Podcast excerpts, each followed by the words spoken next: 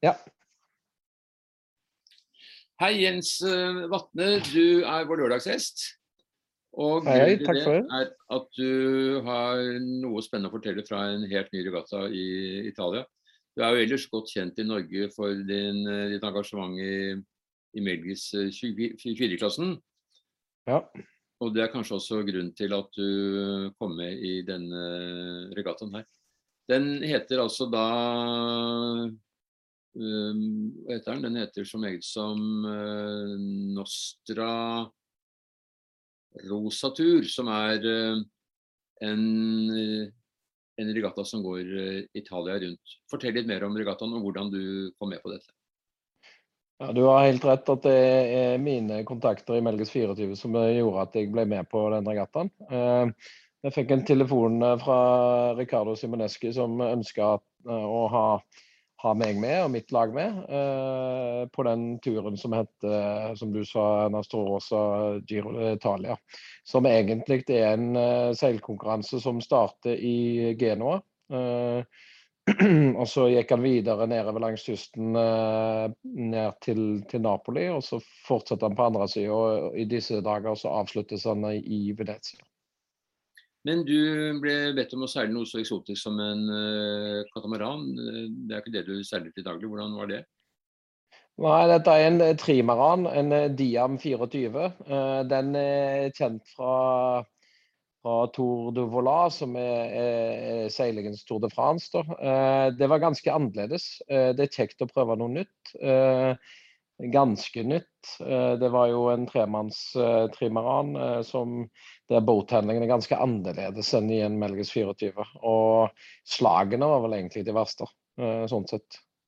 Men utrolig moro. den, eh, den, regattaen den eh, inkluderer flere klasser. Det er denne Trimaran-klassen.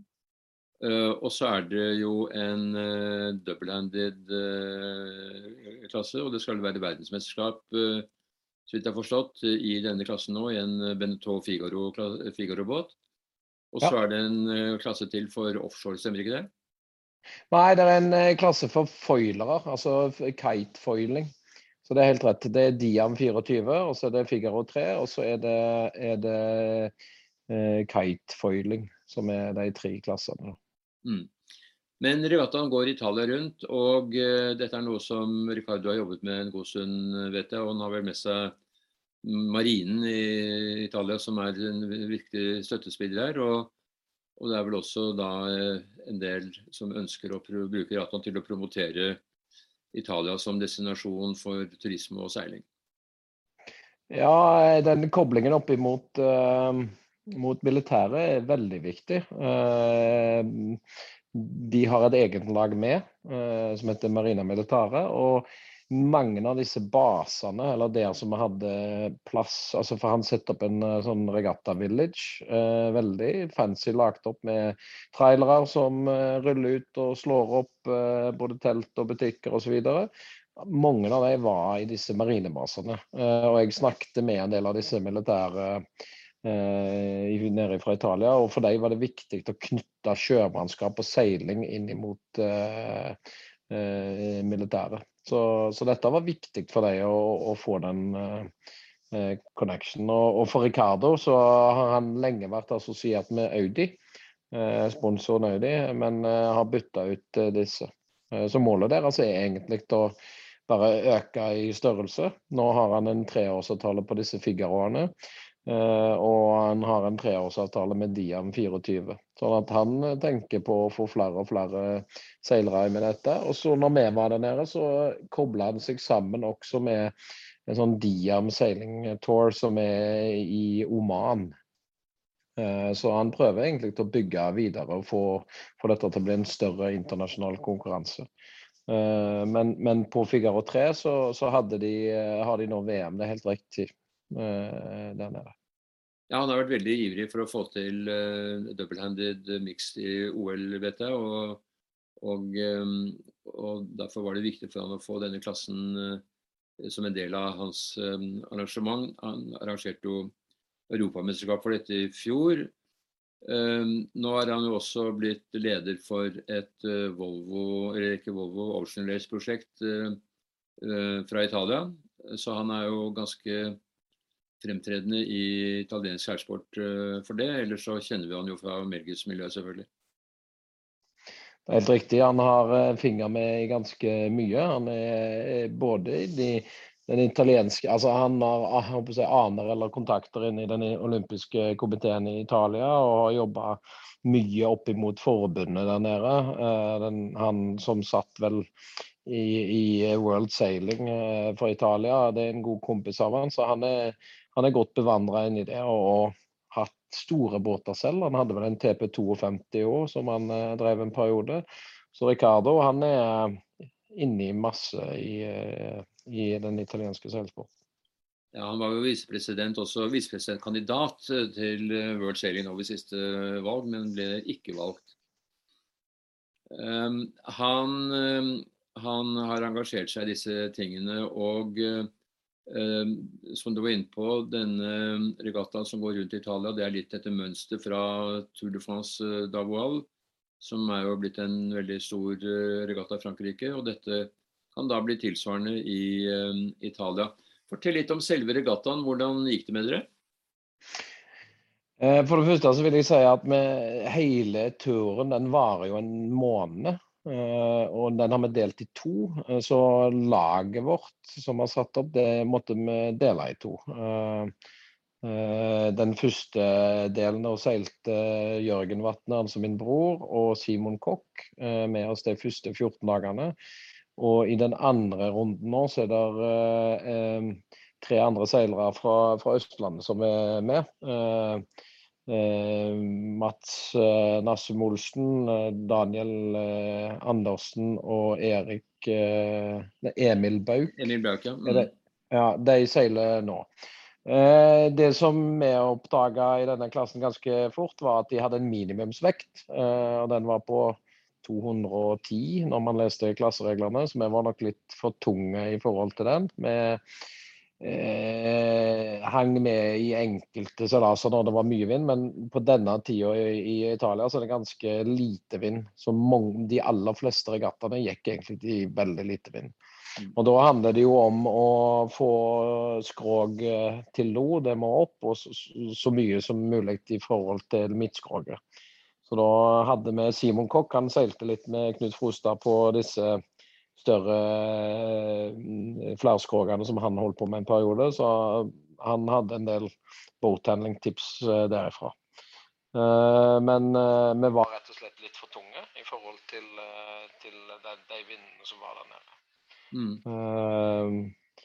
Disse som seiler der nede nå, de, de har avslutning i, i, i, Venezia. Jeg snakket akkurat med Mats som leder den, den trioen som er der nede nå. De, de vant et Coastal Race bl.a. Eh, og har hevda seg eh, litt lenger oppe på lista enn oss. Men, men, det er klart at vi traff bl.a. Uh, en kvinnelig OL-deltaker fra Sverige som seilte med et Luna Rossa-teamet. Hun hadde seilt Nakra 17. Cecilie Johansson. Eh, og veldig mange av de som gjør det godt, de har seilt eh, flerskrog lenge. Mm. Uh, og, og, det, og, det var jo en av grunnene til at vi faktisk ble med på dette. var egentlig For å prøve noe nytt og, og få litt av nye impulser. For vi har seilt mye Melges, og da, da få muligheten til å seile noe helt nytt, det var veldig spennende for oss. Og ikke minst det å på en måte få gi muligheten til disse ungdommene som er der nede nå, eh, det, det var òg viktig for, eh, for oss. Altså. Og så er det en annen ting. Det, du, man knytter egentlig ganske mye kontakter. Vi, vi knytter egentlig veldig tidlig eh, kontakt med Sailing Team Oman, som er et eh, helprofflag. Eh, som eh, har seilt alltid med fra Ekstrem 40, GC32, Mod 70 og, og FAR 30 og masse forskjellig. De traff med nede. Og og de ligger vel an til å vinne hele, hele biten, eh, eller hele touren. Så, så de fikk vi masse tips av, eh, men uh, klarte ikke helt å omsette det i, i gode resultater. Denne. Mm. Det gjorde vi ikke. Er dette en regattaform som kunne passe for norskekysten, tror du? Jeg snakket egentlig med Ricardo om det. Jeg syns egentlig vi burde hatt noe som heter Tour of Norway, på samme måten som dette her. Uh, definitivt. Vi, vi, kom ned dit, da hadde aldri toucha båten i det hele tatt. Uh, han kommer i en såkalt D-boks, altså en dockboks, uh, der masta deles i to, og skrogene plukkes fra hverandre. det er egentlig to 19, nei, fire 19 mm-bolter som holder tverrbarene, og egentlig ganske enkel å sette opp. Så vi brukte vel etter hvert Da rigga vi vel den opp og ned fire ganger. Siste gangen brukte vi halvannen time. Så det, det, er ikke en vanskelig båt å sette sammen. Og det å ha en sånn kombinasjon som disse, denne Tour eh, Giro di Italia har, da, der man har en kombinasjon av eh, baneseilaser og kystseilaser, vil jo passe eh, Norge og norskekysten helt perfekt. Mm. Man kunne kanskje tenke seg at man hadde de eksisterende båttyper og ikke importerte noe nytt for anledningen, men at man seilte i Melgus eller J70 eller eh, Absolutt. Det er masse, ja, det er masse muligheter til det. Eh, det som er litt av fordelen eh, altså Hvis du seiler en sammenhengende runde, så, så er sånne kjølbåter som, som, som J70 og Melgus passer jo helt fint til dette. Absolutt. Mm, mm. Eh, du blir jo forbundet eh, spesielt med Melgus-klassen i Norge. Hvordan ser du den klassens eh, fremtid her? Fremtiden er på en måte egentlig litt opp til seilerne selv. Vi har nå avblåst i disse timer covid. Den skal vi nå åpne samfunnet igjen. og det, det er et enormt løft som både Melgus-klassen Eh, og hele Seil-Norge egentlig må gjennom nå å få folk til å bruke båtene sine igjen. Vi har hatt god tid til å se på seiling som den aktiviteten vi har. Skal vi bruke så mye tid på det? Mm. Og jeg tror at nå handler det om å få folk ut uh, på banen og, og vekke til live disse miljøene igjen. Fordi det er like kjekt å seile Melgis uh, Eh, i, nå som det var før eh, covid. Og når vi var nede i Arendal, for vi hadde NM i Arendal her forrige helg, eh, så var det kjempegøy. Og optimismen blant flåten der, den, den var absolutt til stede. Så jeg, jeg ser absolutt gode fremtidsutsikter for, for Melgis i Norge. Nå kommer det opp et mesterskap i Danmark. Uh, neste år. Uh, og det, det, er litt viktig at vi har store internasjonale mesterskap i, i nærheten. Uh, og beholde NM-status osv. Så, videre. så det som jeg hørte på brygga nede i Arendal, det er at mange av de som har vært med lenge og kanskje har en litt eldre båt, de vil oppgradere til en litt nyere båt. og forbli i klassen. Så jeg tror klassen absolutt har en, en framtid i Norge. Må man ha nye båter for å hevde seg? Blir det bløtere? Nei, nei, man må ikke det. Men, men eh, sånn som eh, de som har vært med lenge og vært delt altså i toppen, de, de, velger kanskje å oppgradere utstyret. Men det er ikke et sånn kjempebehov. Fordi det er båter som seiler med lave byggenummer, som hevder seg godt nå, både i Norge og internasjonalt. Det er vel mer en pers personlig preferanse. Mm. Vi får håpe at um, seilsporten tar seg opp igjen. Uh, det syns jeg den allerede gjør. Vi har sett mange eksempler på at uh, seilingen har trivdes godt i disse pandemitidene. Uh, og så er det så veldig morsomt at noen som der reiser til utlandet for å hente impulser fra hva som skjer uh, i land som Italia, Frankrike og andre som er store seilsportsnasjoner. Så kanskje du kan ta med deg noe hjem og inspirere til nye tanker i Norge. Ja, jeg eh, syns det er veldig spennende å dra ut. En veldig unik eh, opplevelse å få være med på. Eh, vi som sagt knytta kontakter med Team Seil Oman, og de har jo invitert oss ned til Oman for å seile. De har en åtte eller ti sånne Diam 24 der nede, og det kan godt hende at vi, vi faktisk gjør.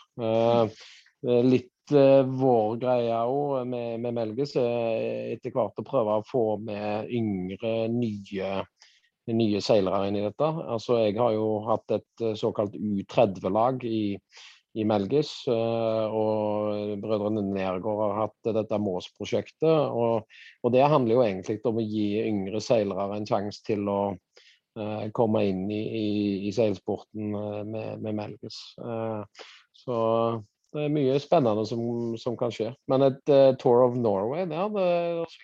Det, det, har jeg tro på. Ja. det blir spennende. Håper at det kommer noe ut av det. Men da sier jeg takk for praten, Jens. Og så får du ha en god høst på Vestlandet. Håper du slipper unna de verste stormene. Takk for det, Mikkel. Takk for en hyggelig prat, og så høres vi på. I like måte.